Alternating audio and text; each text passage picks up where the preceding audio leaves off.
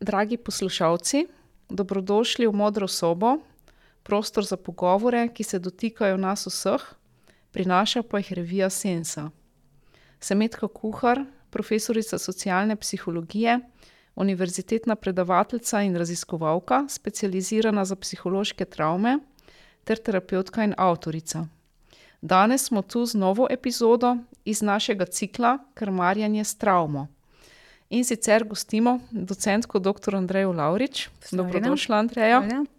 Andreja je doktorica pedagoških znanosti, zaposlena v Izobraževalnem centru za zaščito, kjer se ukvarja s psihološko pomočjo po kriznih dogodkih. Razvila je sistem psihosocialne podpore prebivalcem ob nesrečah in sistem podpore za reševalce. je soavtorica priročnika, ga bom kar pokazala, Psihosocialna pomoč po nesrečah in drugih kriznih dogodkih, ki je izšel leta dva tisoč šestnajst. Andreja je tudi priznana strokovnjakinja na področju visokošolske didaktike ter vodi predavanja in delavnice na to temo. danes se bova poglobili v, razumevanje psiholoških posledic naravnih katastrof, zlasti v luči poplav izpred dobrih dveh mesecev, ki so prizadele Slovenijo. Razpravljali bova o tem, kako se spoprijemati s tovrstnimi kriznimi dogodki, kako pomagati sebi, drugim, kaj lahko pričakujemo v prihodnosti. ja, naj združuje, skupno zanimanje, ne, med drugim zanimanje za psihološko travmo. vselej, ke se srečava, se potopiva v zanimive pogovore. ti pogovori so pravzaprav navdih za ta današnji podcast. In zato bom Andrejo, ne, tudi danes stikala, tako da ohraniva prijetno, sproščeno atmosfero najinih dosedanjih druženj. Ja, Metka. Ja, še enkrat dobrodošla, Andreja. Hvala. ja, jaz bom začela kar nekako s prvim vprašanjem oziroma uvodom v temo. zdaj, občutek življenjske ogroženosti, ne, se pravi res, ne, neke take eksistenčne ogroženosti, izguba materialnih dobrin, kot so recimo domovi, avtomobili, lahko pravzaprav celo regiji, območji, kjer prebivamo, ne.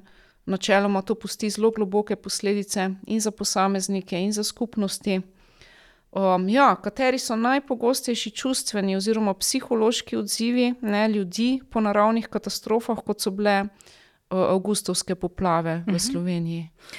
Ja, tako kot so poplave ali pa katera druga naravna nesreča, potres ali pa požari, a ne, na Krasu, kot so bili, to so dogodki, ki so krizni dogodki, a ne, in ti krizni dogodki so ponavadi nekaj nenadnega, kar ljudje niti ne pričakujejo, in ponavadi trajajo malo časa. In takrat se pri človeku, pojavijo razni simptomi, tako na, na čustvenem, miselnem, vedenjskem, in pa telesnem področju in, ena izmed takih stvari je, da takrat se oseba, v takšnem dogodku, ob takšnem dogodku preplavljena s čustvi. takrat jo preplavi strah, takrat je tudi, manjša zmožnost tega kognitivnega razmišljanja, potem se na telesu odražajo različni simptomi, od tega, da, prepotenost, glavoboli, tišanje v želodcu, težave z dihanjem, skratka, na telesnem nivoju to, kar tudi potem lahko zaznamo, a ne, tudi pri sebi. Zdaj to govoriva mogoče o tej najbolj akutni fazi, se pravi fazi takoj po dogodku. Kakšne so pa posledice recimo čez čas, ne? Verjetno gre za neke določene faze, ne? ja, takrat, človek potem, nespečnost se pogosto pojavlja ali pa na primer te, prikazovanje tega dogodka, podoživljanje tega dogodka, da, ali v, v spanju ali tudi podnevi, da se ljudje ne želijo vračati na, na sam kraj nesreče. Skratka, potem pa tudi za tem se razvijajo tudi druga čustva, a ne, se razvijajo na primer žalost ali občutki krivde, Um, naprimer, ob poplavah, sedaj, ki so se zgodile, se trenutno ne, ljudje soočajo s precejšnjim um, čustvom jeze. Ne, um, to potem izražajo naprimer, nad tem, um, kako zadeve še niso urejene, da potekajo prepočasi. Skratka, ta paleta čustev, ne, od straha, žalosti, uh, jeze, je vse tisto, kar se lahko pričakuje. Ne. Pa so to čustva, ki nekako um, s časom izvenijo po enem takem prehodnem obdobju, -huh. ali koliko časa, recimo, so prisotni. Ja, to je različno od posameznika do posameznika, ampak ponavadi ta čustva, ne, potem, um, ko po recimo, žalosti, jezi, potem pride pa soočanje oziroma spoprijemanje, oziroma da se um, človek navadi ne, na, na takšno situacijo, na novo situacijo in jo potem tudi sprejme. Skratka, gre potem za neko sprejemanje celotnega dogajanja. Zdaj, pri nekaterih um, gre, je to. Um, v krajšem obdobju, pa nekaterim je to v daljšem obdobju. To je precej odvisno od človekove prožnosti, oziroma kot temu rečemo, rezilientnosti. Skratka, vsak od nas se s takšnimi nesrečami zelo različno sooča. Ja, ne, dan danes je tudi zelo velik poudarek na psihološki pomoči. Ja. Um, ne, v, recimo, kot je okrevanje po nekih traumatičnih dogodkih, uh -huh. kot so tudi um, naravne nesreče. Se pravi, da bi na ta način si pomagali, ne, tudi pri to vrstnih zelo intenzivnih lahko čustvih, ne, recimo tudi vseh teh sim simptomih, Ja. tesnobi, ne, raznih čustvenih izzivih. Vendar ne tako, kot praviš, ja, nekako eni ljudje so malo bolj prožni, malo bolj psihično tudi odporni, drugi manj. Verjetno gre tudi tukaj za vpliv neke širše skupnosti, nekih širših mrež. Uh, ja, kot prvo uh, je pomembno to, da lahko um, človek na svojem nivoju, se pravi, na, kaj lahko sam zase v takem trenutku naredi. Uh, in eno je, naprimer, kako se sooča z, s čustvi. ne. In prvo je to, da, da, da razume, da, se, to, da, da to, kar doživlja, da je nekaj popolnoma normalnega, običajnega po takem hudem dogodku. Ne. Ta dogodek ni, je nekaj nenavadnega, drugačnega. In s, s takimi čustvi se začnemo spoprijemati, um, lahko tudi zaželeno, da nje, o njih tudi govorimo, uh, naprimer nekomu, ki mu zaupamo, ki nam je bližnji. Um, če ne moremo o tem uh, spregovoriti, uh, lahko tudi naprimer, pišemo dnevnik ali pa naprimer, um, tudi kaj narišemo ne, in tako naprej. Um, Potem naslednjo je na miselnem nivoju, ne, da um, lahko to vrstne stvari, ko, ko na nje pomislimo, ne, na te nesrečne dogodke, da tudi se, se o- zavestno odločimo in rečemo, da zdaj pa ne bom o tem več razmišljal, bom razmišljal o čem uh, uh, bolj prijetnem, nekaj, kar me navduhuje, naprimer, kar se lahko vrnem v, z spominom nekaj, kar me je uh, osrečevalo, kar mi je pomagalo, da sem v takih trenutkih šel čez. Skratka, da se spomnimo na neke trenutke, ko smo zmogli to moč tudi v preteklosti in smo šli čez kakšne take krizne dogodke tudi v preteklosti. ne. Um, Se pravi, to so že neke take strategije. Tako, to so, Recimo, res, da- tako, to so naprimer strategije, kaj lahko delamo pri sebi. Um, potem je tudi to, ne, kaj delamo a, na, na telesni ravni, ne, se pravi, da se potrudimo čim več spati, oziroma kolikor nam pač paše, ne, da, um, da tudi uh, enakomerno jemo, enakomerno obroke, da se ne zatekamo alkoholu, da um, se, se gibljamo. Ne, sk- skratka, da, da se skušamo tudi čim bolj vrniti uh, v neko rutinsko življenje, ki smo ga tudi prej imeli, pred tako neko nesrečo. Skratka, da gre nekako um, v, v skladu s tem ritmom, ki smo ga imeli prej, ne, da se življenje vrača v neko stalnico. Se pravi, da se ne prestrašimo tudi teh svojih reakcij, Tako, ne, tako. nekako, ja, Ja. da so normalne. Ja. Ne, mogoče tudi to je zelo en tak pomemben. Tako, ja, Poudarek. da so normalne in da jih ljudje ob takih dogodkih čutimo, in da, da lahko tudi se s tem tudi soočamo. Zdaj, nekateri a ne, se uh, večinoma a ne, po, nekaj, po nekaj mesecih uh, lahko vrnejo nazaj v svoj, uh, v svoj ritem in delujejo tako kot pred nesrečo. Um, pri nekaterih bodo pa morda ti simptomi ostali tudi dlje časa. a Ne, in, In zdaj, naprimer, neka taka um, meja bi bila približno kakšen mesec, morda tudi več, ampak da se tudi opazujemo sebe in pa druge, ali, ali se morda lahko tudi razvije kakšna um, akutna motnja, ne, potraumatska stresna motnja. Ta je ponovadi omejena, mislim, diagnostično na en mesec. Ne? Tako, ja, ja. Um, seveda je različno pri ljudeh -huh. in takrat te simptomi, če sčasoma ne izvenijo, ki sem jih prej omenila, je morda dobro tudi poiskati uh, pomoč v, v zdravstvenem sistemu. Uh mhm. -huh. Če ti simptomi kar ustrajajo, ne? Tako. Ker verjetno tudi vsak uh. -huh. nekako nima te kapacitete ozavestiti ta čustva, Tako. oziroma biti v stiku z njimi, ali imeti neko ja. empatično prisotnost ja. drugega, da lahko to izrazi. Da, ali, večina no. ljudi, ne, um, uh mhm. -huh. po raziskavah, uh, ki so jih tudi upravljali v tujini, po takem uh, kriznem dogodku, uspešno ukreva in se vrne uh mhm. -huh. nazaj. Ne. Zdaj, procentualno jih nekje od 5 do 10 odstotkov razvije potraumatsko stresno motnjo. Ne. Se pravi, če gledamo, tako pomeni, da majhen delež ljudi dejansko potrebuje neko zdravstveno pomoč. Ne. Lahko mogoče to malo opredelile, kaj je ta motnja. Um. Uh, za poslušalce. Ja, to, to so v bistvu ja. ti simptomi ojačanja, ne, ki, smo uh -huh. potem, ki smo jih tudi ja. prej našteli. To se pač opredelitev po DSM-u, ki ga pač eh, zdravnik, um, psihiater tudi opredeli in pač diagnozo, s to diagnozo potem tudi zdravijo. Se pravi, klinična diagnostika na tem ameriškem psihiatričnem združenju, ki se uporablja tudi v Sloveniji, ki je ta sklop simptomov. Zdaj, ampak to je, ne, to, ko govorimo o tej zdravstveni pomoči, to je zgolj en vrh uh, piramide, piramide pomoči, ne, ki, uh, o čemer govorimo po takem um, kriznem dogodku. Zdaj, če gledamo, ne, um, kako je ta piramida zgrajena, ne, in zdaj. Um, In zakaj govorimo o piramidi? Zato, ker to pomoč na začetku, neko pomoč rabi velika količina ljudi, ki je bila udeležena v tej nesreči, naprimer v poplavah. Čisto materialno pomoč. Ne? Tako in, in materialno, in kako se tudi sami sebi pomagati na te načine, kar sem prej povedala. In večina ljudi uspe tu na ta način iti skozi. Ne.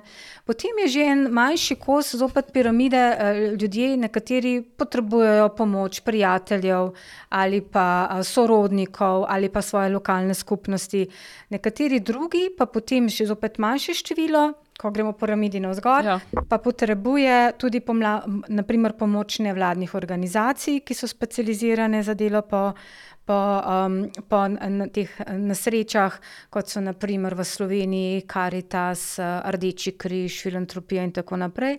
In Tukaj se govori o čisto praktični pomoči. Čisto praktični uh mhm. -huh. in tudi v psiho, psihosocialni pomoči. Uh -huh. Uh, se pravi, uh, in, in te, recimo, um, nevladne organizacije nudijo, psiho, nudijo psihološko podporo, temu rečemo psihosocialno podporo.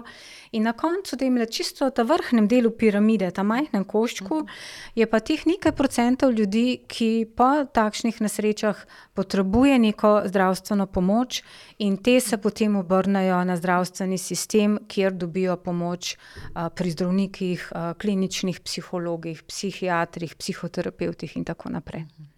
Ja, zelo pomemben se mi zdi govoriti o teh drugih dejavnikih, uh -huh. ne mhm. samo podpore, podpore. Uh mhm. -huh. Glede na to, ne, da recimo, okay, večina ljudi mogoče niti ne rab, uh -huh. bolj mhm. specializirane pomoči, uh -huh. nekateri jo tudi zavračajo, uh -huh. Um, nekateri ne pridajo do nje ne, iz ja. takih ali drugačnih razlogov. Um, tako da zelo pomembno se mi zdi ja, govoriti o tem, kako, lahko, kako se lahko sami podprejo, uh -huh. pa tudi uh -huh. kako nas lahko ja, podprejo drugi. Uh -huh. Recimo, tako, kot si rekla, prvo prijatelji, ja. ožja, širša družina, uh -huh. skupnost, tudi uh -huh. organizacija. Ne, da, Tako, um, zato je pomembno, ne, da uh, imamo tudi uh, podporo v tem lokalnem okolju, pri družini, prijateljih, kar pomeni, da je pomembno, da imamo dobro socialno mrežo. Ne. In na tej, na tej socialni mreži je treba delati že prej, preden se zgodi neka taka nesreča. Ne? Se pravi, se je treba tudi um, podružiti z ljudmi, um, delovati v lokalni skupnosti, uh, biti povezan s svojimi sosedi. Ne? Skratka, dosti prej uh, je potrebno izgrajevati celotno zadevo. Ne? Ker um, ja, dan danes smo bolj nekako Dobro, verjetno se loči tudi urbano okolje ali neka večja mesta, ne?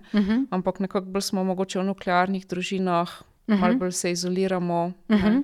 Um, mogoče opažaš kaj teh trendov, recimo, so kakšne razlike tudi med območji v Sloveniji ali. Ja, um, seveda to povezovanje je pomembno, ne glede na to, a ne, ali smo znotraj uh, mestnega ali pa uh, vaškega okolja, če temu tako rečemo. Ampak, um, Ali pa bolj gorenska, primorska, ne? mislim, Ja, da so tudi tukaj razlike.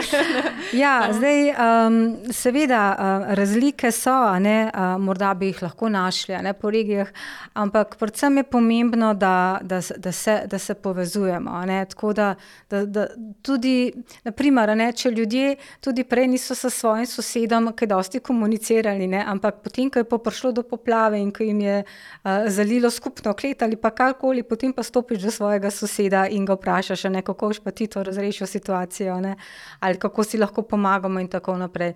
Tako da ja, te zadeve so um, mm, pomembne, da se krepijo že prej um, na zelo tudi različne načine. a ne.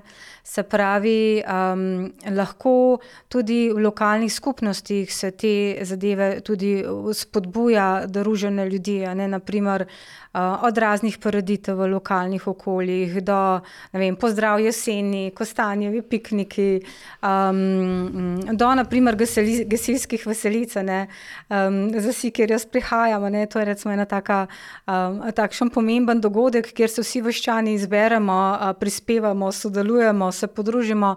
In, uh, in so takšni dogodki krepljenja skupnosti uh, precej pomembni. Ne. Um, Ja, jaz imam tudi tako izkušnjo, recimo iz primorske vasi, ne, kjer Mhm. so bile čagre, se pravi, taki poletni dogodki, zabavni. Ne, Ja. Recimo tudi skupna priprava pustne povorke oziroma uh-huh. vaškega pusta, tudi vaški pevski zbor.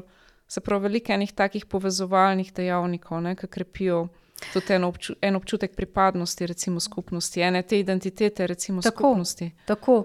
Um, do tega, ne, recimo, šolska skupnost je zelo pomembna. Ne, se pravi, tudi kar se dogaja v šoli, povezovanje uh, otrok, staršev, uh, z učiteljev, uh, povezave z, z okoliškim prebivalstvom, um, medgeneracijsko sodelovanje in tako naprej. Skratka, okoli vsega tega ne, so take dobra izhodišča, ker ko do nečesa pride, se potem tudi uh, te, te viri moči tudi uporabljajo. Ne. Kot Šport smo je tudi ena taka točka, ne šport. Ja, tudi, tudi šport, akcije. uh, tako šport, čistilne akcije, razni hobiji, razne te interesne dejavnosti. Um, vse to ne, je tisto, kar pomaga um, v lokalni skupnosti. Ja, tle zdaj omenjava ta koncept skupnosti, pojem uh Mhm, -huh, skupnosti. Uh -huh. Nekako um, je tudi en tak sociološki Mhm, koncept, ne, uh -huh. um, ki ga mogoče tudi ni najbolj enostavno definirati ali pa uprijeti, uh mhm. -huh. kje je dan zdaj ta uh Mhm. -huh. skupnost. Ne, ker Mhm. na nek način se zdi, da je ta skupnost kar nekako ušibila. Ne. Ja. Zdaj, Mhm. poplave so nas opozorile, koliko je pomembno nekako um, tkanje Ja. recimo, tega vezivnega Ja. tkiva skupnosti, ne, da nekako Mhm. skupaj držimo, Mhm. da, skup, sto- da znamo skupaj Ja, stopiti. No. ja. Vse, ko je nek tak izziv. Ja, gre za ta občutek uh, pomoči drug drugemu, gre za občutek, da, da nismo sami ostali v tej situaciji. Kot prvo, a ne, tle, to gre za fizično, da ti nekdo pomaga a ne, odstranjevati blato izpred svojega praga, pomaga odstranjevati debla in vse ostalo. Po drugi strani pa tudi na tem psihičnem nivoju, da nisi ostal sam, a ne, da, da ti tudi drugi ljudje pomagajo, ne, ta, to občutek solidarnosti. Na eni strani, hkrati je pa tudi to za tiste, ki pomagajo. Ne? Zdaj smo videli v Sloveniji zelo ta močan um, uh, vidik solidarnosti, ko so ljudje uh, pomagali drug drugemu. Z drugega konca Slovenije so prišli na prizadeta območja, Savinsko dolino, Koroško. Um, in tam so ljudje tudi. Ta, ta občutek, ne, da sem koristen, tudi jaz, ne kot prostovoljec, sem koristen. In to je ena izmed teh tudi um, značilnosti, kako si pomagati po takih kriznih situacijah. Je tudi to, da sem jaz koristen, da pomagam drugemu. Ne. Tudi ta vidik, tudi, tudi če meni se nič ni zgodilo, ampak to, da pomagamo drugemu. Ne. Da so v nas nekako sprošnik, tak uh, altruistični čutelj, ne, empatija, Tako. ne, solidarnost. Tako. Ne, iz tega potem uh -huh. skip tudi za uh Mhm. -huh. neko uh -huh. delovanje. ne eni pravijo celo psihologi, ne ene teorije, da nekako je ta altruističen naš čut sebičen, uh -huh. ker na nek način čutimo stisko ob tem. Ne, uh -huh. Če imamo razvito empatijo, koliko uh -huh. imamo razvito empatijo, nas tudi to nekako uh -huh. se dotakne, boli. Ne, uh -huh.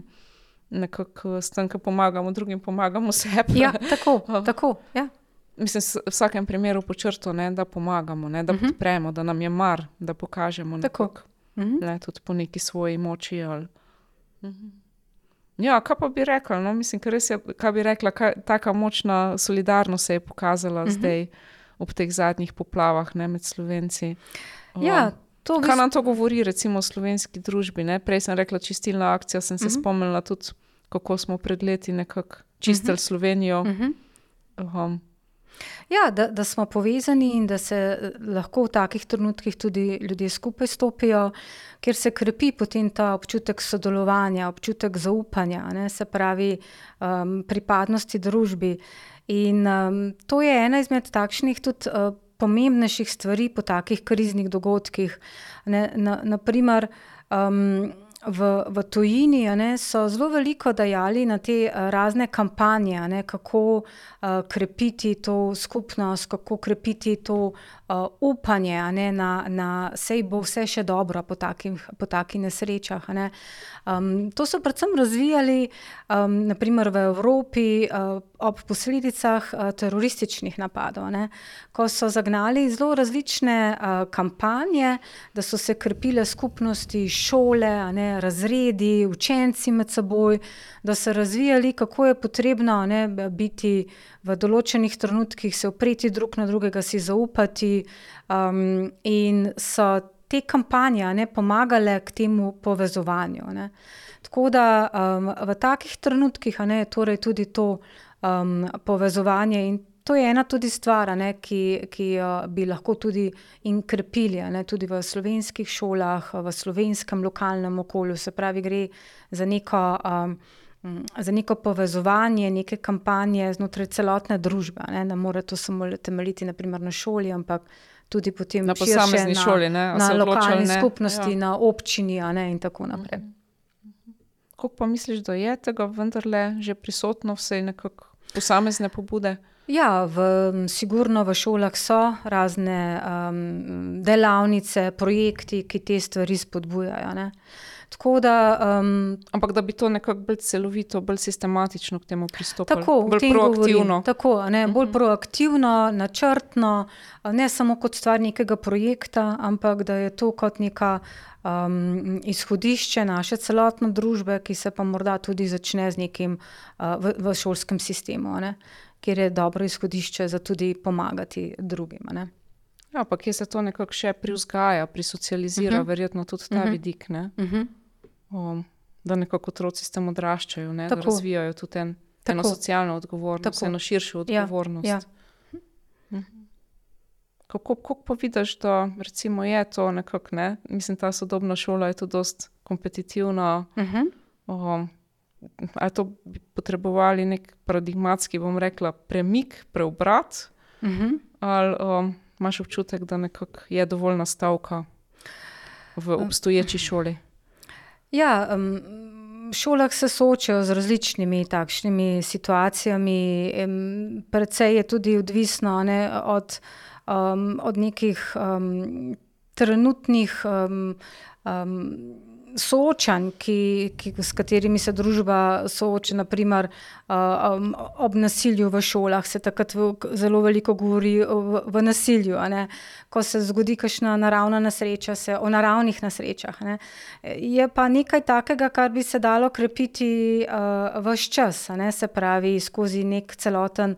Uh, izobraževalni program. Naprimer, v osnovnih šolah uh, je, je možno izbrati neki izbirni predmet, ki se mu reče varstvo pred naravnimi in drugimi nesrečami, kjer se uh, um, um, znanja pridobivajo, kako se tudi zaščititi uh, takšni, pred takšnimi nesrečami, kako, katere um, sile pomoči delujejo, kateri reševalci. Se to se vse takrat lahko spozna v tem predmetu. Skratka, ampak to je zgolj nek um, izbirni predmet, o katerem se o tem spregovori. Um, se pa pokaže, ne, da so ta znanja tudi, tudi splošno potrebna. Ja. Tudi, naprimer, zdaj, ne, tudi ob teh, uh, ob teh poplavah, tudi zdaj je recimo, ta vidik uh, šole pomemben. Ne, tudi recimo, v šolah so um, tudi, naprimer, tudi zdaj, ne, tudi dva meseca in več potem. Lahko tudi v šolah recimo, najdejo um, učenci oporo um, ali pa njihovi starši, um, so strani učiteljev, šolskih svetovalnih delavcev, ki so bili. Um, usposobljeni še dodatno, kako ravnati v takih situacijah. In tako se tudi na ta način tudi pride uh, do takih ranljivih uh, skupin. Ne? Tako da ja, na, na, na tem območju, ne, tudi takrat, ko. Um, med po, samim, uh, po sami nesreči ne, se je takrat tudi pomagalo prebivalstvu z vidika te psihološke pomoči. Um, najprej um, je šla na teren civilna zaščita, ne pripadniki civilne zaščite, psihologi, ki so um, hodili. Po terenu, začeli so za kamniškim območjem. To je cela um, skupina psihologov, tako, to, je, to, je, to je del tega tvojega. Tako, tako um, ne, gre za skupino um, devetih psihologov, ki uh, so usposobljeni za ravnanje v kriznih situacijah. Uh, in uh, so te takoj te prve dni začeli, so naprimer v Kamniku, uh, v Termah Snovik, kjer je šlo za evakuirane prebivalce po poplavah, kjer so dajali psihološko pomoč, pa potem Savinska dolina, Črno na Koroškem. Tako da so bili dnevno prisotni, deset dni, upravili so okrog 300 uh, razbremenilnih pogovorov s prebivalci. Kaj pa je razbremenilni pogovor? Razbremenilni pogovor je, zdaj, če govorimo ne, v, v razbremenilnem pogovoru pri reševalcih, je to tako zelo strukturiran, voden pogovor. Če pa govorimo o prebivalcih, se pravi žrtvah nesreč, je pa to, da se, da, da se pogovorijo z njim, da ga razbremenijo. Da, da si odvisno s posameznikom ali enim ali, ali celotno družino uh, in um, um, poprašajo po čustvih, razbremenijo jih čustva, um, da, um, da skušajo z njimi delati uh, nek načrt oziroma Um, da, ker človek, ne, ko doživi nekaj takega, ga čustva popolnoma preplavijo. Ko si v šoku, ne? ko si v šoku. Ja, in potem s časoma ne, je pa potrebno ne, delati uh, korake, ne, uh, um, načrt, ne, se pravi, kako se soočiti s temi uh, nastalo situacijo, kaj lahko naredimo danes, kaj lahko naredimo naslednjič, naslednji dan in tako naprej. Skratka, Ampak že, da se ta čustva tudi lahko normalizirajo motivirajo, ne, in hkrati nekako spodbudi ljudi. Tako. Tudi, Tako. Um, neki, neki angliži imajo ta izraz, ne, ne najdem slovenščini, agency. Ne, ja, da smo ja. lahko tudi nekako bolj aktivni ne, v tem ja, pozitivnem ja, smislu. Ja, um, Samo učinkoviti. Ja, kar da, je malo nerodni izraz, ampak. Ne, tako, da, da začneš reševati nastale um, probleme, da se ciljno orientiraš. Ne, uh, uh, in da potem tudi zmoreš ne, te kapacitete, da, da greš v bistvu dalje. Ne. Tako da um, zdaj, za njimi ne, potem, uh, so um, prišli um, na vrsto te nevladne organizacije. Ne, uh, katere sem tudi prej omenjala. Zdaj bi te za trenutek uh, zmotl, uh, ne, prekinila. Kaj pa vloga drugih profilov, recimo uh mhm. -huh. socialni delavci so tudi ja. tak profil? Tako, ne, niso uh, samo psihologi, verjetno. Ne? Ne, ta, ampak te prve dneve ja. ne, so, so bili ti. Um, um, kar, načrt zaščite in reševanja, ki se sproži v poplavah, je tak, ne, da prve dneve deluje civilna zaščita, potem pa se začnejo tudi druge vsakodnevne strukture, ki delujejo, ne, se pravi, um, delovati tudi po tem kriznem dogodku. Tako da za tem ne, je potem so šli na teren in k tem prebivalcem uh, nevladne organizacije, se pravi predstavniki Rdečega križa, Karetisa in oni so nudili psihosocialno podporo. Ne, se pravi, da um, od tega, od teh materialnih ne, stvari, eh, do tudi tega um, pogovora ne, z, z prebivalci. In um, uh, ugotavljali so tudi, kdo je tisti, ki je bolj ranljiv, kdo bolj, bolj to pomoč potrebuje. Hkrati. Pa je bilo organiziranih sedem mobilnih timov, in ti mobilni timi um, so bili razporejeni po, po Sloveniji, po teh uh, področjih, ki so jih prizadele poplave. In ti mobilni timi pa so vsebovali, ne, se pravi, zdravstvene delavce, socialne delavce, mm. uh, psihologe in druge, tiste, ki, um, ki lahko v takih nesrečah, po takih nudijo pomoč. In to je pač pomenilo, da, da so se. Da so, um, predstavniki teh um, nevladnih organizacij, ki so dajali psihosocialno podporo, tudi uh, napotili, usmerili um, ljudi, k, tiste, ki so potrebovali k tem uh, mobilnim timom, uh, da so lahko dobili tisto, kar so potrebovali. Ne. Tako da um, možnosti so tudi še, še zdaj, ne, to, te mobilni temi delu, bodo delovali približno do, do konca leta. Hkrati so tu še potem tudi na voljo. Kako se uh, pa lahko obrneš na njih, mislim, kako si obveščen, kako si ja, informiran? Ja, um, zdaj, poleg teh mobilnih temov delujejo tudi eh, centri za duševno zdravje, um, ki so razporejeni po območjih in pa in pa delujejo tudi različne organizacije, ne, um, um, pristop, Samarijan in tako naprej. In nevladne organizacije. Nevladne ja. organizacije. Ja. In zdaj posameznik lahko do tega pride po, po poti, da, tega, da pride k njemu pač ta. Um, um, predstavnik recimo Rdečega križa in ga potem, ko uh, lahko z, z, z informacijami na letaku in tudi z določeno izjavo in tako naprej, jih napoti do Se tega mobilnega tima. Na vrata, če, tako, ne, to, to, to, to je ena pot, ne, da, da na terenu uh, jih poiščejo in stopijo do hiša. Ne. Druga pot je, ne, da se um, prebivalci, ki, ki živijo na teh um, poplavljenih območjih, da se sami obrnejo na vse te inštitucije. Kontakti so vsi objavljeni na eh, Nacionalnem inštitutu za javno zdravje, na internetnih straneh. Um, uh, tudi številka 114 deluje, se pravi, to je številka, telefonska številka, kamor lahko uh, prebivalci pokličejo in dobijo razne informacije, tako glede materialnih, kot drugih zadev, kot pa tudi glede te uh, psihološke uh, podpore in pomoči, in tudi tam dobijo kontakte, kam se lahko obrnejo. Um, Potem pa je tudi ta redna pot, eh, se pravi, da grejo do svojega zdravnika, ki jih potem pa napoti naprej, bodi si do kliničnih psihologov, um, psihiatrov in tako dalje.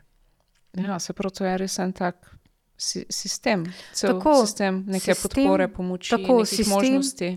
Ki je um, stekel uh, med temi poplavami ne, in ki je uh, dobro organiziran.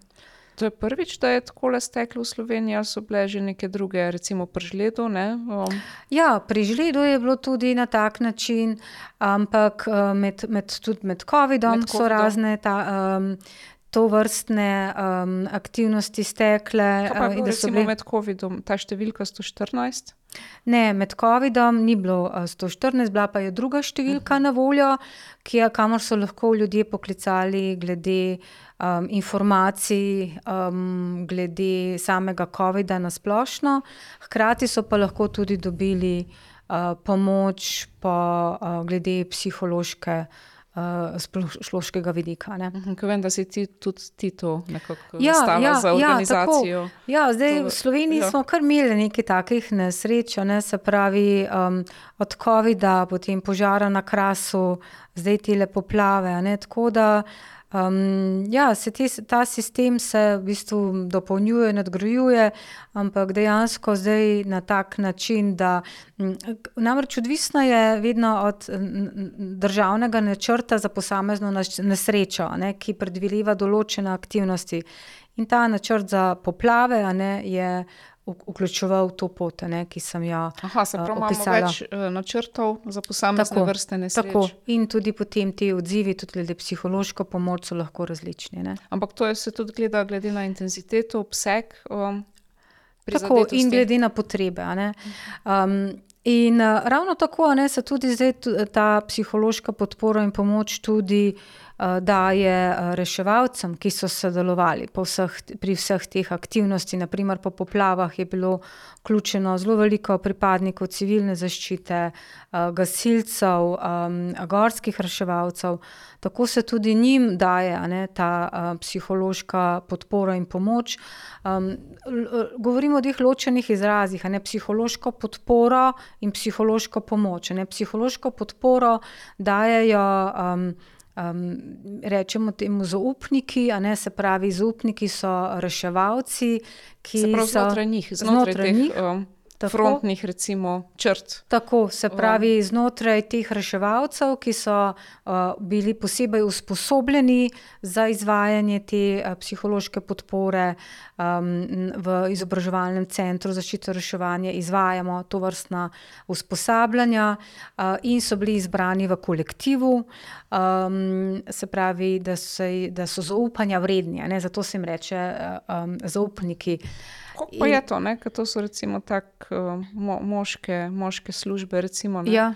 je tudi podarek na eni moči, ne toliko mogoče, ne. Mogoče vsa ta čustva delujejo tako Ja. kot nekaj preveč šibkega, preveč ranljivega. Kako Ja. je? Uh, zaupnikov je približno 150 v Sloveniji, v vseh teh reševalnih službah. Uh, tako uh, največ pravi, je bil interes, je bil interes Ja, ja, seveda, za interes, usposabljanje tako, znotraj teh kolektivov. Ja, um, kar pomeni, da največ jih je med uh, prostovoljnimi gasilci, potem med poklicnimi gasilci, Tle, to je glede na celotno strukturo a ne, vseh teh um, reševalcev, potem pa so tudi med gorskimi reševalci, jamarji, kinologi, ki eh, delujejo po nesrečah. Um, skratka, vse te strukture uh, imajo ne, te zaupnike, uh, in te zaupniki so usposobljeni, da izvajajo individualne in pa skupinske razbremenilne pogovore. Uh, in to, kar si sprašvala, kaj pomeni razbremenilni pogovor, ne, ko, ko to izvaja uh, zaupnik, ko daje psihološko podporo, um, je ta razbremenilni pogovor strukturiran, se pravi, ima štiri stopnje, uh, ki jim poteka v nekem zaprtem prostoru, um, reševalne postaje. V nekem varovanem pač. Tako, kjer imajo reševalci mir in, tako, Mir. in se izvede na 24 urah po uh, intervenciji. Uh, in traja približno 45 minut, kjer potem reševalci povejo, kaj se je dogajalo, um, kaj, so občutili, uh, kakšne misli so jih prežemale. Um, in tudi se jim da neke napotke, kako se lahko soočajo s temi stresnimi dogodki, kot neka psihoedukacija, uh, in da, da se lahko tudi obrnejo tudi kasneje na te zaupnike. Uh, To je nek model iz tujine. o, To je, ja, to je model, ki ga imajo uh, v zahodnem svetu precej razvitega. Um, v, v Evropi, naprimer uh, v, na švedskem, mi smo ta model povzeli uh, po švedih. Um, sedaj obstaja ta model um, 12 let v Sloveniji, uh, in uh, znotraj tega modela ne, so potem tudi uh, zaupniki usposobljeni in izvajajo te razbremenilne pogovore. Zdaj, kdaj največkrat izvajajo, ne, kaj je tisto, kar pri reševalcih um, se kaže kot um, bolj obremenilno, stresno, so um, poškodovani ali mrtvi otroci. Um, potem uh, poškodba samega reševalca ali pa sodelavcev, potem, ko gre naprimer za, uh, za reševanje družinskih članov reševalcev. Ne? Recimo, ko pridejo na kraj nesreče in ko Ja. vidijo, da je pa tu noter sorodnik ali sosed ali kakorkoli. V, Poznam. naprimer v, v ponesrečenem, v poškodovanem avtomobilu. Da je nek bližnjik. Um, Tako, ne. Um, Tako da to so ti, ali pa naprimer, da je bila nevarnost, da bi lahko izgubil življenje. Ne? Se pravi, um, tudi ni nujno, da, da, da bi ga res, ampak. Ta občutek ogroženosti. Tako, občutek ogroženosti. Tudi, to, mhm. tudi pri prebivalcih, ne naprimer ti, ki jih je zdaj zalila, poplava zalila, ne, pa kaj tekla čez njihovo hišo in tako naprej. Ne, ta občutek, joj, lahko bi umrl. In, in to je tako. To je tako obremenilno, ne, da, da, um, da takrat se res tako zelo počutiš, in da tudi vsa ta, vsa ta čustva preplavljajo. Ne. Tako da. Um, Zgubiš zaupanje v neko stvarnost. ja, in se, mm. in, in se v bistvu počutiš ogroženega. Ne. Uh, pa tudi, če morda temu ni bilo tako, ampak ti se tako počutiš. Uh, in uh, tako da ti reševalci. Um, Če ta uh, podpora ni dovolj, so strani zupnikov, potem se pokličejo prek številke 112, Eh, psihologi iz te državne enote za psihološko pomoč, uh, in oni potem pridejo na kraj dogodka oziroma v njihovo reševalno postajo in potem izvedejo tak razbremenilni pogovor. Kot tudi v roku 24 ur. Tako, v roku 24 uh -huh. ur. In naprimer v primeru poplav, ne, uh, ko so delovali. Um, razni štabi civilne zaščite, ali pa naprimer znotraj, uh, ko, je, ko je bil COVID, ne, obdobju COVID-a, ko so aktivno delovali štabi civilne zaščite in pripadniki, je bilo precej takih razbremenilnih pogovorov namenjeno prav tem uh, štabom, predstavnikom civilne zaščite, reševalcem. Tako da ob takih nesrečah je tega potem še več. Mhm. In znotraj uh, ekip njihovih kolektivov ter uh, izrazijo tudi potrebo, da pridejo zunanje. Tako, um, tako. Izrazi, tako, izrazijo potrebo, kar se trenutno kaže največ, kot to naredijo prostovoljni gasilci, uh, in uh, potem grejo ti psihologi na teren. Um, se pravi, to je nekako sprijeto. Ne? Ja, sprijeto, tako sprijeto. Uh, tako, dober učinek. Tako, tako. Vem, da ste delali tudi eno raziskavo, um, kjer ste spraševali. Uh, ja, reševalce. Ja, re, pri reševalcih smo preučevali, koliko je nekih simptomov, kažejo za razvitje neke potraumatske stresne motnje, ne? ali pa um, alkoholiziranosti, ali kakršnih koli drugih takšnih posledic uh, soočanja z stresnimi situacijami. Nekaj se res tam lahko veliko srečujejo. Tako, ja. Zelo težkimi. Tako težkimi. Ne, to, to je, kar sem ja. prej na, uh, naštela. Ne? Recimo ena taka najhujša reč, ki se je pokazala v tej raziskavi, so ravno mrtvi otroci. To, to zaznamujejo te reševalce. In, um, ja, in ena, ena takih zanimivih stvari, kaj se je pokazalo kot varovalni dejavnik ne, pri teh reševalcih, je to, da da imajo zaupanje vredno osebo, s katero se lahko tudi pogovorijo, bodi si tega zaupnika v enoti, in pa tudi, da je, da je partner ena taka varovalna dejavnika. Ne se pravi, reševalci, ki živijo v, pravi, v kvalitetnem, dobrem partnerstvu, je to tudi kot eno varovalo. Ne se pravi, da. Da imaš nekoga, ne, s komer lahko tudi določene stvari spregovoriš. Ne. Ja, to verjetno tudi velja za um, udeležence, ne, prizadete v nesrečah. Tako. Pa tudi širše, mislim. Nekako. Tako. Ja, um, ena izmed zadev, ki se uh, tudi nasplošno kaže ne, naspl pri, pri soočanju pri teh nesrečah, je pomembno, ne, kako, uh, kako, kakšna je naša prožnost uh, na te dogodke, ne, ta rezilientnost. Ne. In, uh, zdaj, Kako bi pa ti to opredelila? Ja, Mogoče, da se tle malo ustavlja. Ja, uh, ta, ta prožnost, ne, je, se pravi, kaj pomeni prožnost? Ne, se pravi, um, ko se nekaj v, v našem življenju zgodi, ne bi bilo tako, kot ne vem, naprimer, ko je drevo in ko nekaj močno zapiha, se to drevo upogne ne, in potem se uh, vrne potem nazaj v prvotno stanje. Vprašanje je, če je ravno čisto, ne, stoji to drevo tako kot prej, ampak več ali manj ne se ljudje vrnemo nazaj. Tako drevesa uh, ponovadi tudi občudujemo, ne jih fotkamo v naravi. Ne? Tako, da ne? kažejo neko malo posebno ja. obliko, pa hkrati neko moč. Tako.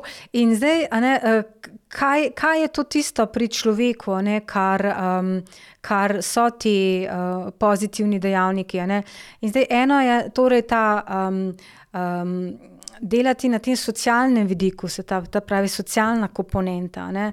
se pravi, da imaš uh, uh, mrežo ljudi, da, da si komunikativen, da razvijaš te uh, uh, veščine uh, pogovora, da, da, da znaš, da, da greš in poiščeš pomoč, ko jo rabiš. Sam, to je pa že tudi mogoče povezano z neko predhodno zgodovino, Tako. izkušenj z drugimi, Tako. mogoče tudi s temi zgodnimi izkušnjami. Tako. Ne? Tako. A nekako lahko zaupam drugim, Tako. ne? a lahko dobim podporo. ne. Um, ja.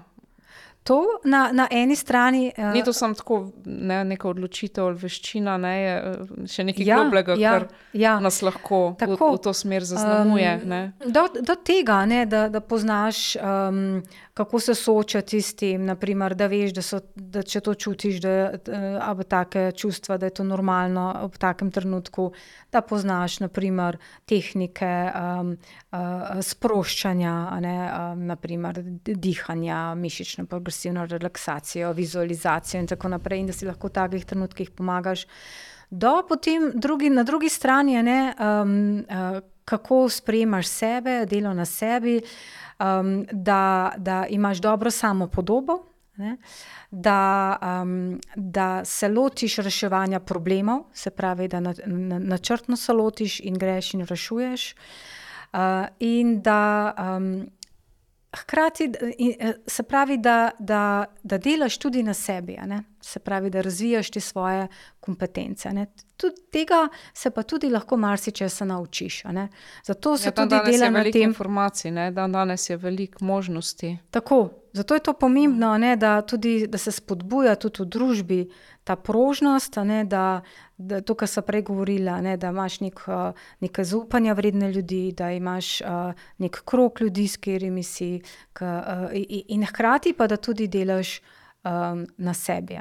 Kako pa če si recimo zaznamovan z razvojno travmo, ne? kako nekako se odpreti Mhm. enemu krogu ljudi, ne? nekako res privabiti v svoje življenje. Ja, zdaj z Ljudi, razvojno ki so ti tudi empatično pričali. Ja, morda Ja. bolj uh, tudi Ja. ja. tvoje področje, ne, ta razvojna travma, kako se v bistvu vklopiti. Ja, ker doskrat je ravno to problem, nekako, da Ja, ne, se bolj usamimo ali ne, Ja, imamo občutek nekega globlega Ja, zdaj- neadekvatnosti, neustreznosti, ne, teže Ja. nekako. Zdaj, kar, Posežemo. ja, zdaj, kar kažejo ne, tudi te Ja. ja. raziskave, ne, tudi skozi te. Uh, tudi ljudje, ki so živeli, doživeli v otroštvu neko travmo ali kakorkoli. a Ne, um, Da so manj prožni ne, Da- v ja. takih situacijah. ja, to, ampak je tudi pomembno, ne, da imajo v svojem življenju nekoga, vsaj eno osebo. Uh, pomembno za njo. Se pravi, ki se lahko na njo uprejo, ne vem, ali je to kakšen od staršev, je to dedek, babica ali nek uh, sosed ali ne vem, učiteljica v šoli. a ne. oziroma v mladosti. ne. Tako, a ne? In potem vseeno a ne, lahko krepiš vse te um, um, od, odpornost a ne, na take Da krizne sem imel vseeno dogodke. tako Ne. Uh, ki, ki si zaupal. Ne? In, in še nekaj. a In Ne, tudi lahko smo, mogoče te spet prekinemo, prost, mi smo lahko tudi ta oseba drugim. Tako, mi smo drugim. Uh, in, in še eno tako prepričanje je, je tako prožno prepričanje, ne, kot v smislu tega, kar nas ne ubije, nas krepi. A Ne, se pravi, da a, zmogel sem že v preteklosti, marsikaj in tudi danes bom zmogel. a Ne, se pravi, um, a, a, neko to upanje, a, da se bojo zadeve uredijo, le pa kakorkoli se bojo. Ne. Se pravi, to so te kapacitete, ne, da, da, ki jih poiščemo v sebi uh, in uh, na katerih potem tudi lahko delamo. Ne.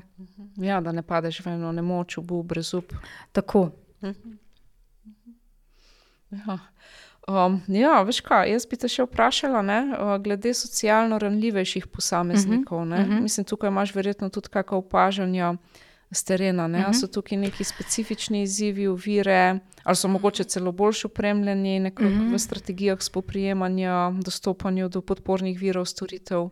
Ja, te, ti socialno ranljivejši so um, otroci, starostniki. Ja, to je zelo široka invalidi, kategorija. Ja, Tako, tako. Uh, tako da, ja, n, n, pri vseh teh so seveda um, tudi pri tem, ko se nudi ta psihosocialna podpora, bolj pozorni. Se pravi, tudi to, kar sem prej omenjala, predstavniki teh nevladnih organizacij, ko hodijo na terenu, so tudi um, uh, bolj pozorni na to vrstne ljudi in, in, in jim bolj pristopijo, in jim tudi potem jih na, lahko napotijo v teh sedem uh, mobilnih centrov, ki sem jih prej omenjala.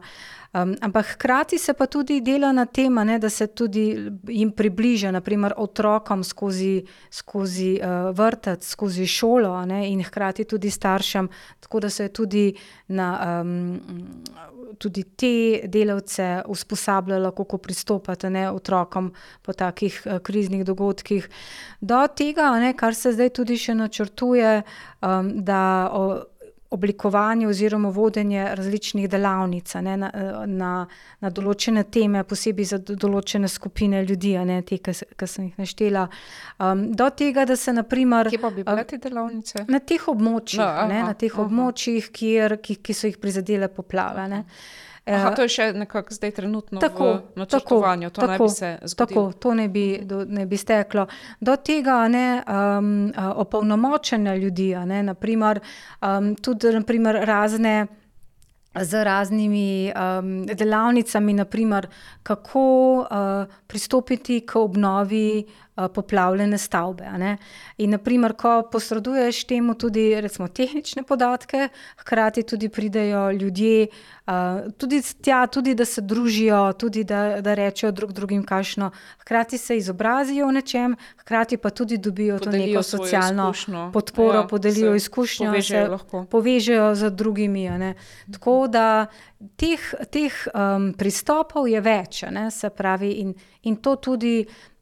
Takšne načine so tako obirali v tujini, naprimer po raznih terorističnih napadih, um, tako tudi, ne, lahko tudi v slovenskem prostoru ne, pristopamo na tak način.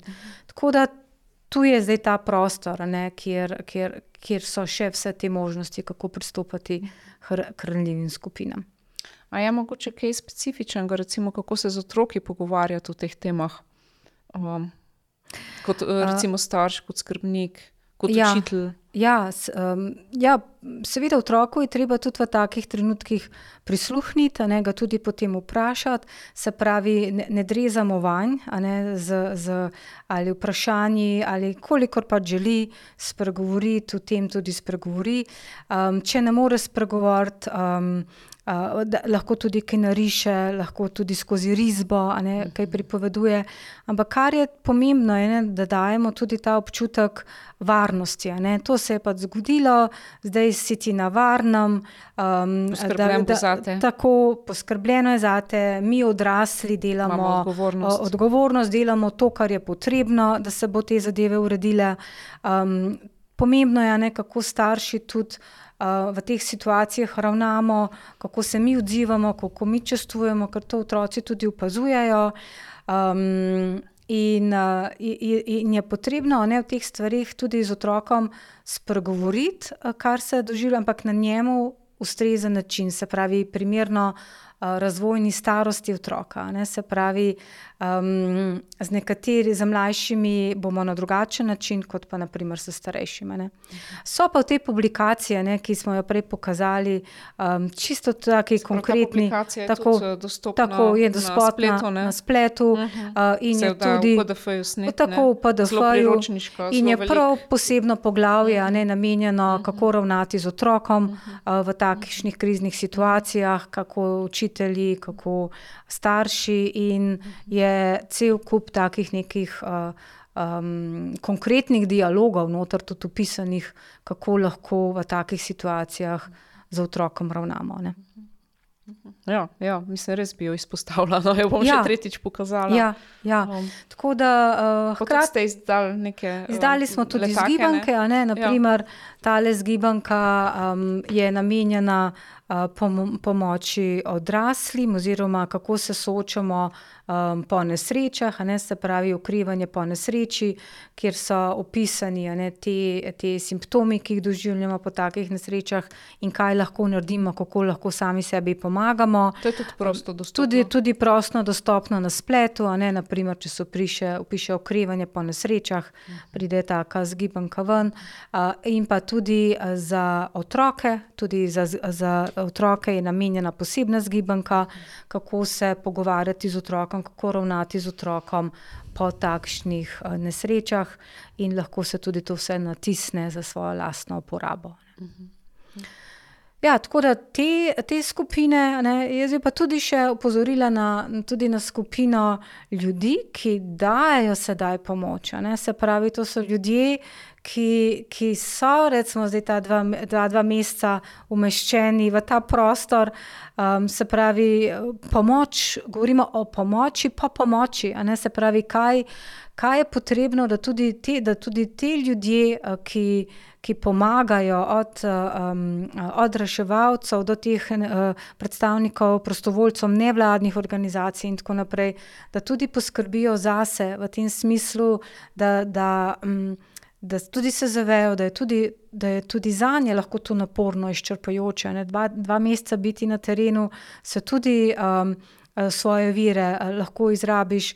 Um, in lahko pride tudi do te sekundarne traumatizacije, ne? če ti to dnevno poslušaš, ne, kaj se je drugim zgodilo, potem tudi lahko to sam podežuješ. Z njihovimi žilčnimi sistemi. Tako, ne, mislim, ja. tudi sam vidiš ta območja. Tako, na, na primer, ne, bolečino, stisko. kar bi ti ja. ljudje potrebovali, je nedvomno ne, uh, pogovor oziroma intervizija uh, z, z, s, s temi, ki to počnejo, ne, se pravi, naprimer, z drugimi prostovoljci, reševalci in tako naprej. Se pravi, intervizija, kaj do- dojemajo, kako so šli čez to in tako Kaj naprej. bili, Potem je supervizija, ne? se pravi, da nekdo, naprimer um, psiholog, a, pride in tudi te na, na določene vidike upozori, tudi če prepozna pri njih določene znake. Um, izgorevanje in tako naprej, da se o tem spregovori. Do tega, ne, da, da te ljudje poskrbijo um, eh, za, za, za, svoja, za svojo razbremenitev z različnimi hobiji, športi, z svojo socialno mrežo, da se družijo s svojimi prijatelji, eh, družino. Skratka, da, da tudi v teh trenutkih tudi pomislijo na sebe, ker lahko tudi ljudje, ki da, da, dajo pomoč, ki, ki, eh, ki so prostovoljci, in tudi, tudi za nje je potem potrebno poskrbeti. Ja, tle so sploh še take posebne situacije, ne? nasploh ja. pa to velja za poklice Ja. podpore, pomoči. Tako. Mislim, ki se dela z ljudmi, Ja. ne, z ljudmi sploh, ki imajo neke stiske, težave, izzive. Tako, ali pa še kakšna dodatna izpopolnjevanja za nje, ne, uh, ali pa tudi kakšen pogovor ne, z psihoterapeutom, ne, če je to tudi to potrebno. Tako da ni, ni- niso tudi ljudje uh, uh, vsi močni v tem smislu, da so neomejeno močni. a Ne. Tudi, tudi te, ki dajemo pomoč, a ne, tudi jaz sem recimo med, njimi, tudi, tudi za te skupine ljudi je treba biti pozoren, ne, ko, to, ko to traja toliko časa. In to se mi zdi zelo pomembno sporočilo. Ja. Imaš ti kakšne priljubljene načine? Sama? Um, ja, zdaj um, sama. Ja, jaz veliko dam na pogovor, ne, se pravi, na, bodi si na pogovor z, uh, z možem, z, s prijatelji, um, druženje, um, potem pa tudi razni hobiji, ne, kot je uh, vrtnarjenje uh, ali pa, pa nasploh šport, hoja. Um, na tak način, a ne, se pravi, da nekaj počneš, kar te razveseljuje. a Ne, in, ali recimo usesti se na teraso in, in, in brati knjigo in poslušati -hmm. glasbo. a Ne, skratka, nič posebnega, ampak hkrati pa tudi zelo razbremenilnega. Ne. Ja, nekaj, kar nas nekako nahrani. Ne? Tako. Podoskrat so to res drugi ljudje, če imamo kvalitetne Tako. Odnose, narava, Tako. Gibanje, ne, Ja. da nekako Mhm. telo spravimo v pogon, Tako. ali skozi vrtnarjenje. Ne. Ja. Taki v bistvu klasični načini. Ne. Ja. Sam nekako, da Ja. mogoče se zavemo, da okay, to so moji Tako. viri, ali Tako. s tem, lahko, s tem se lahko podprem. Tako, to v bistvu je to skrb zase. Mhm. ne. Um, tako da m, nasploh a ne, je uh, v vsa, tudi v vsakodnevnem življenju je to potrebno, a ne, uh, po takšnih stresnih situacijah, uh, po takih uh, izrednih situacijah, kot so te krizne situacije, kot so ta poplave, ki, toliko kjer je velik del Slovenije prizadet, je pa to toliko bolj. a ne. Ja, zdaj bi pa jaz odprla eno temo. Zdaj pač smo v enem obdobju, ne, uh -huh. Mhm. ko se soočamo uh Mhm. -huh. z neizogibnimi vplivi klimatskih sprememb, uh -huh. oziroma uh Mhm. -huh. se dogajajo pač spremembe v podnebju, povečujejo se naravne katastrofe. Uh Mhm. -huh. ne, in vse bolj je vidna tudi, bom rekla, psihološka cena, ki jo plačujemo uh -huh. za te uh -huh. spremembe. Um, se pravi, ne, ne čuti le uh -huh. naš planet, ne uh -huh. bom rekla, breme degradacije, ampak tudi in naše individualne psihe, kolektivna uh -huh. psiha. Uh -huh.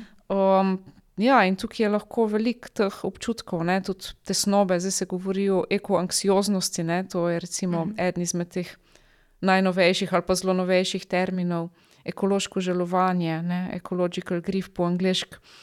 Um, skratka, ja, nekako občutki izgube, žalosti, ki so vezani in že na trenutno stanje, ali pa tudi na prihodnost našega okolja. Ne? Se pravi, da gre za nek čustveni dolg, ki ga prinaša, uh -huh. recimo, bom kar rekla, okoljska kriza. Uh -huh. Tako da, ja, tako se mi zdi, da so to stvari in konkretni ne, načini, uh -huh. kako organizirati podporo po uh -huh. takih dogodkih. Ne? Uh -huh. Pa še širše, se mi zdi. Da lahko pričakujemo ne, več stisk, oziroma se že kažejo. Ne, recimo, tudi določene študije mladine so že pokazale ne, eno veliko zaskrbljenost za um, prihodnost pri mladih, ne, recimo, ki je vezana potem tudi na kakšne odločitve, recimo, ne imeti otrok. Ali, uh -huh. um, kako ti gledaš? Uh -huh. Lahko pričakujemo več teh stisk, ali uh -huh. nekako so že prisotne. Um, ne, te stiske, ki so vezane na naravne nesreče, oziroma na to novo, bom rekla, ekološko resničnost. Ja, zdaj te, kot posledica teh um, podnebnih sprememb, ne, se, je, so naravne nesreče. Ne. Ampak te naravne nesreče so samo ena izmed kriznih dogodkov, ne, ki, ki nas uh, v današnjem obdobju uh, prežemajo. Um, so pa tudi. tudi Tudi druge situacije, naprimer, so teroristični napadi, recimo, uh, ravno zdaj smo priča ne, enemu takemu, naprimer, uh, na področju uh, Izraela, Palestine, do vojne v Ukrajini in tako naprej. Skratka, to migracije. so migracije. Ja. Ja, to so vse neke krizne situacije, ne, ki, COVID, ki, recimo, ne, COVID um, ki nas prežemajo ne, v, v tem obdobju. In, um, Pa tudi so globalne, velike, dobro, nekatere so ja. lokalne, ampak tudi kar velike globalne narave. Ja, in, ampak te, ne, vse, vsem temu, kar smo zdaj naštela, ne, so, je pa skupno, da so to krizne situacije, ne, so to krizni dogodki, ne, pa kakršen koli je. In gre v bistvu za soočanje s temi dogodki na podoben način. Ne, zdaj, ali, ali gre za naravno nesrečo, ali gre pa za teroristični napad, naprimer. Ne. In um, to je krizni dogodek, je krizni dogodek. In zdaj, kako v bistvu se sopadamo s tem in kako se soočamo s tem. Ne? In zdaj na tak način, ne, mislim, da se to. Lahko le še malo povedali, kako, kako, mislim, to, kar smo govorili. Ja. Ali je tle še kaj dodatnega? Ja, to, to je to, kar smo ja. govorili, ampak um, jaz bi še upozorila tudi na. na Na, na drug vidik, kjer um, ne, zdaj, je v bistvu omenjena to um, Uh, anksioznost povezano s podnebnimi zadevami. Ne? Ampak, se pravi, nekaj, kar se mogoče še ni zgodilo, opazujemo pa mogoče na ja. neki ravni, na nek način. Ne? Ampak recimo tu ja. ob tem omenjamo anksioznost. Zdaj, ja. pa, če pomislimo za nazaj v Sloveniji, ne? kaj je bilo tisto, kar je, kar je povzročilo naprimer, največ šmr, smrtnih žrtev? In pravzaprav niso bile naravne, a ne nesreče ali pa te podnebne spremembe, ampak um, družabni, dogod, ne, družabni dogodek, naprimer za obdobje Slovenije. Ja, ja, zdaj, ja, ja, ja, če, ne, ja. če pogledamo, največ smrtnih žrtev je bilo pred leti na, na dogodku na reki Savi, ko, se, ko je šlo za um, vožnjo s kanuji, kajaki, kjer je umrlo 13 ljudi. Potem naslednji tak dogodek je bil zopet družabni dogodek, uh, balonarska nesreča pred leti, kjer je umrlo šest ljudi. Se pravi, gre za to, da, da, da, da te. Ampak to so kot posledica te, recimo, dve nesreči. To sta bili v bistvu stvar, dve stvari, ki sta bili prijetni, ki ker ljudje ne bi se zabavali, se zabavali. imeli fajn, ja. pa je prišlo do tega. Tako da, mm, ni nujno, ne, da, da nam anksioznost, to vrstne nesreče, podnebne spremembe prinašajo. Bolje je to, da, da to tukaj je ne, in da, da uh, krizni dogodki so bili in bojo. In zdaj gre samo za to, kako se mi s tem soočamo. Ne. Ampak vse je malo drugače. Mogoče, če povem svojo izkušnjo, ne, jaz rada hodim pač po naravi, uh -huh. po mhm. hribih. Um, ne, zdaj, ko sem hodila recimo po Gorenski uh mhm. -huh. regiji, je kar veliko pomoči, kjer pač um, ne, je kos porušen. Oziroma, ne, so prav uh mhm. -huh. taki fleki, bom rekla, uh -huh. ne, kjer se je očitno nekaj zgodilo, nekaj uh -huh. zaokrožili. Uh -huh. In um, tega ni mal. Ne. Recimo tudi prvič to leto, oziroma to poletje sem doživela, ne, da je recimo okrog hiše. Uh -huh prišel skoraj kot neke vrste ciklon, ne, tako močen uh mhm. -huh. veter. In potem uh mhm. -huh. poslušaš uh mhm. -huh. stare ljudi, ne, uh -huh. oziroma znance, ki govorijo, kaj govorijo tisti, ki so že vem, praktično sto let tle na svetu uh -huh. in uh -huh. da kaj ta zganiti podrazno še niso doživeli. Ne, mislim, več je, več je teh dogodkov, ne, na nek način težko je ostati neutralen ali pa nekako zelo ja. zelo miren. Ne? Ja. Mislim, sem, ne, ne, da zdaj jaz čutim, recimo, jaz osebno to tesnobo tako v vsakdanjem življenju, uh mhm. -huh. ampak nekje pa je en tak, uh, ne, uh mhm. -huh. kaj pa še lahko pride. Um, tako kata, kataklizmično se zdi. Tudi, ja.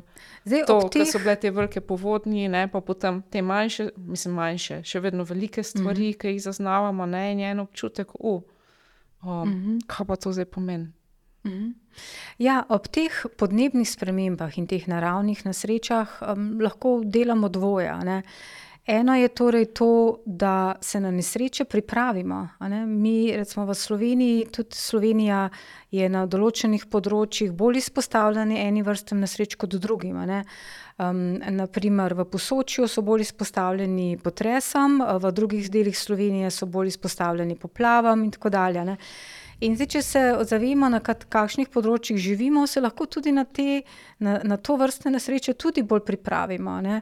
Um, uh, in ta pripravljenost na nesreče nam omogoča nek občutek varnosti. Ne? Pripravljenost, ne, to sem tudi slišala, ljudje imajo recimo nahrbnike.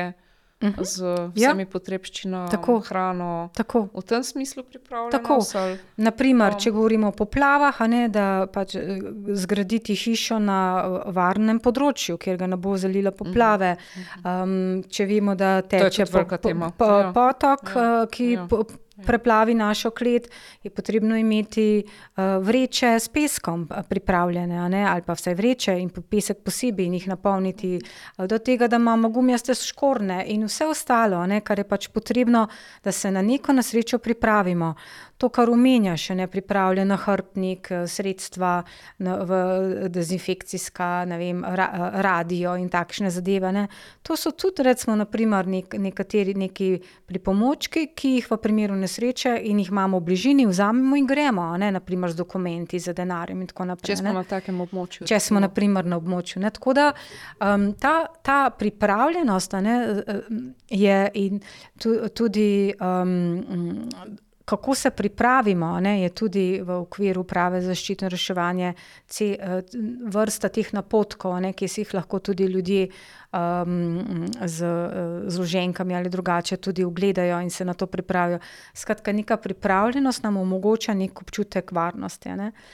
Na eni strani, na drugi strani pa je pomembno, da tudi delamo na tej um, rezilientnosti, se pravi na tej um, na prožnosti. Ne? Se pravi, da to, kar smo prej govorili, da se dejansko pripraviš, ne se pravi, da delaš na sebi, da delaš na svoji socialni mreži, da, um, da um, ukvarjaš z nekimi hobiji, ki te razbremenjujejo in tako naprej. Skratka, da, da se tudi vnaprej take stvari krepiš.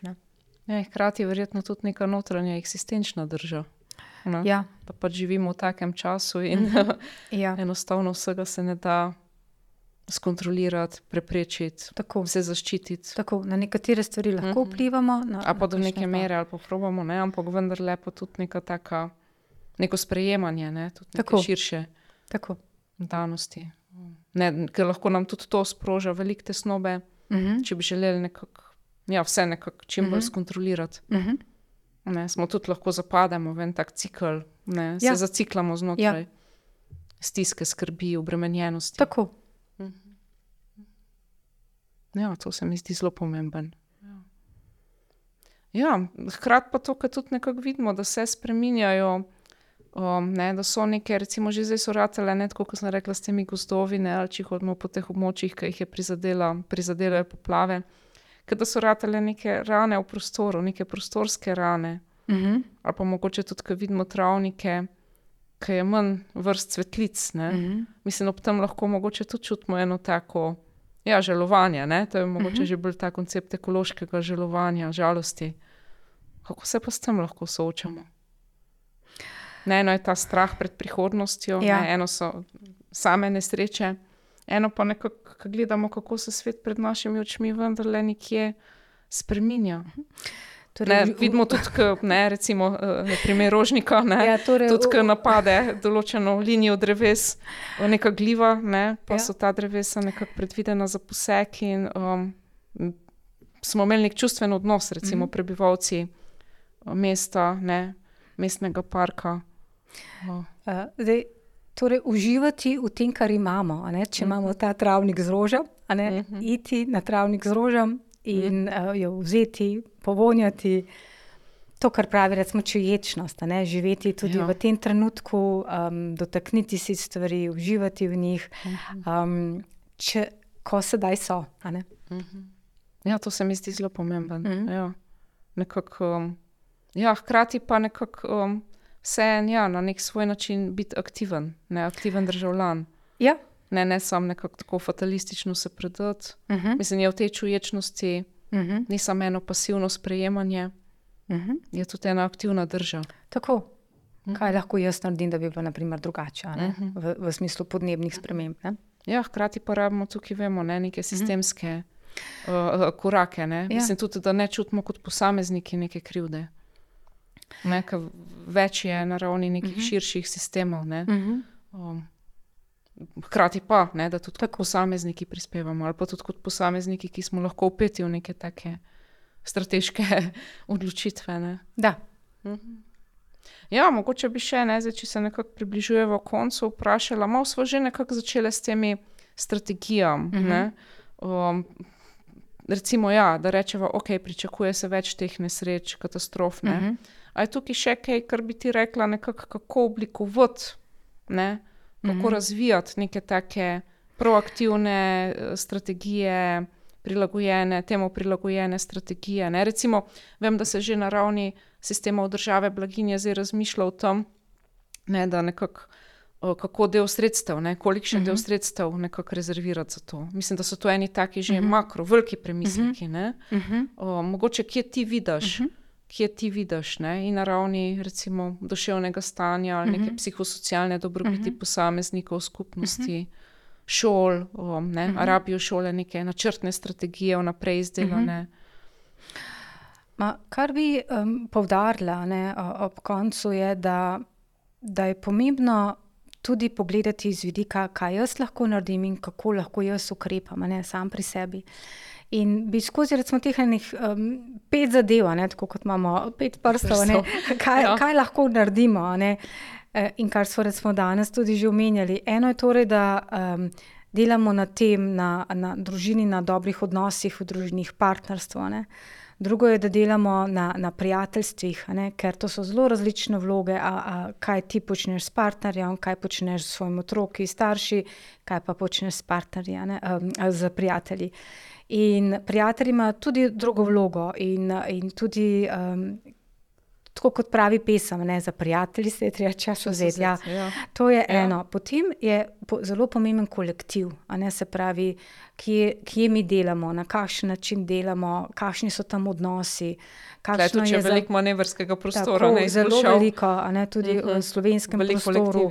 Um, kako si v kolektivu zaupamo? Mi smo v kolektivih 8 ali več ur vsak dan, se pravi, kakšni so ti odnosi v kolektivi, kako si pomagamo. Naprimer, um, ali nas je po, po poplavah, ki so se zdaj zgodile, ali nas je eh, nadrejeni ali kdo drugi eh, kadrovnik naprimer, poprašal, uh, kako ste pa vi po poplavah, ali je vam tudi zalilo hišo. Ali, ali, ali tebi, kot delavcu, kako pomagamo. a ne? Meni so gonile zgodbe, kjer so tudi recimo sodelavci, vključno z vodstvom, ja. ne, da je firma dala del denarja in sodelavci so dali neke prispevke, ne, da so nekako finančno podprli. Kar je pomembno, ne, da, da posameznike, ne, tako, sodelavce. Tako, ne, da, pa, pa potem, da kolektivi delajo na tem dobrem vzdušju, na povezovanju, kot so naprimer uh, team buildingi ali pa kakšno skupno usposabljanje ali druženja. Skratka, to, um, da se ta krepi, ta uh, občutek zaupanja in, in, in pomoči tako dru, drug drugemu. Ne. Potem naslednje je, ne, da, da imaš nekaj, kar te razbremenjuje, se pravi, um, neke hobije, um, ne vem, vrtnarjenje, da imaš psa, da imaš ne vem, nekaj, kar ob čemer se počutiš dobro, pa karkoli to je, pa tudi če to gledaš na televiziji, ne? pač neke priljubljene tvoje vdaje. Mogoče eno anekdoto tleh tam. Ena mladenka mi je povedala, da je bilo v neki taki stresni situaciji, ne? da je to bilo, da ne gospe na svet, je ja, pet južino kuhati, pet uh mhm. -huh. kuhati južino za družino. ja, ja. Mar, mar si kaj lahko ja. tukaj, ne? To, ja. to hočem reči. Ja. No. Um, ko si omenjala ja. še mladenke in, in prej ranljive ja. skupine, ne? Tudi študenti so recimo ena takšna ranljiva skupina. In tudi študentje imajo na, na voljo ne, neka, neke te razbremenilne zadeve. Naprimer, deluje v, v slovenskem oziroma univerzitetnem ljubljanskem prostoru pet eh, svetovalnic, ne, kjer se lahko študenti razbremenijo, kjer jim svetujejo usposobljeni ljudje v takih situacijah. Tako Kje da so te svetovalnice um, na posameznih fakultetah? Tako na, na pedagoški fakulteti so, potem imajo pa tudi uh, dislocirane enote. Ne. Tako da na spletu so tudi te stvari objavljene, ne, če se gre naprimer v okviru univerze oziroma pedagoške fakultete. No, in peta stvar a, pa je um, skrb za svoje zdravje. Ne, se pravi, za zdravje v smislu um, aktivnosti, gibanja, v prehrane.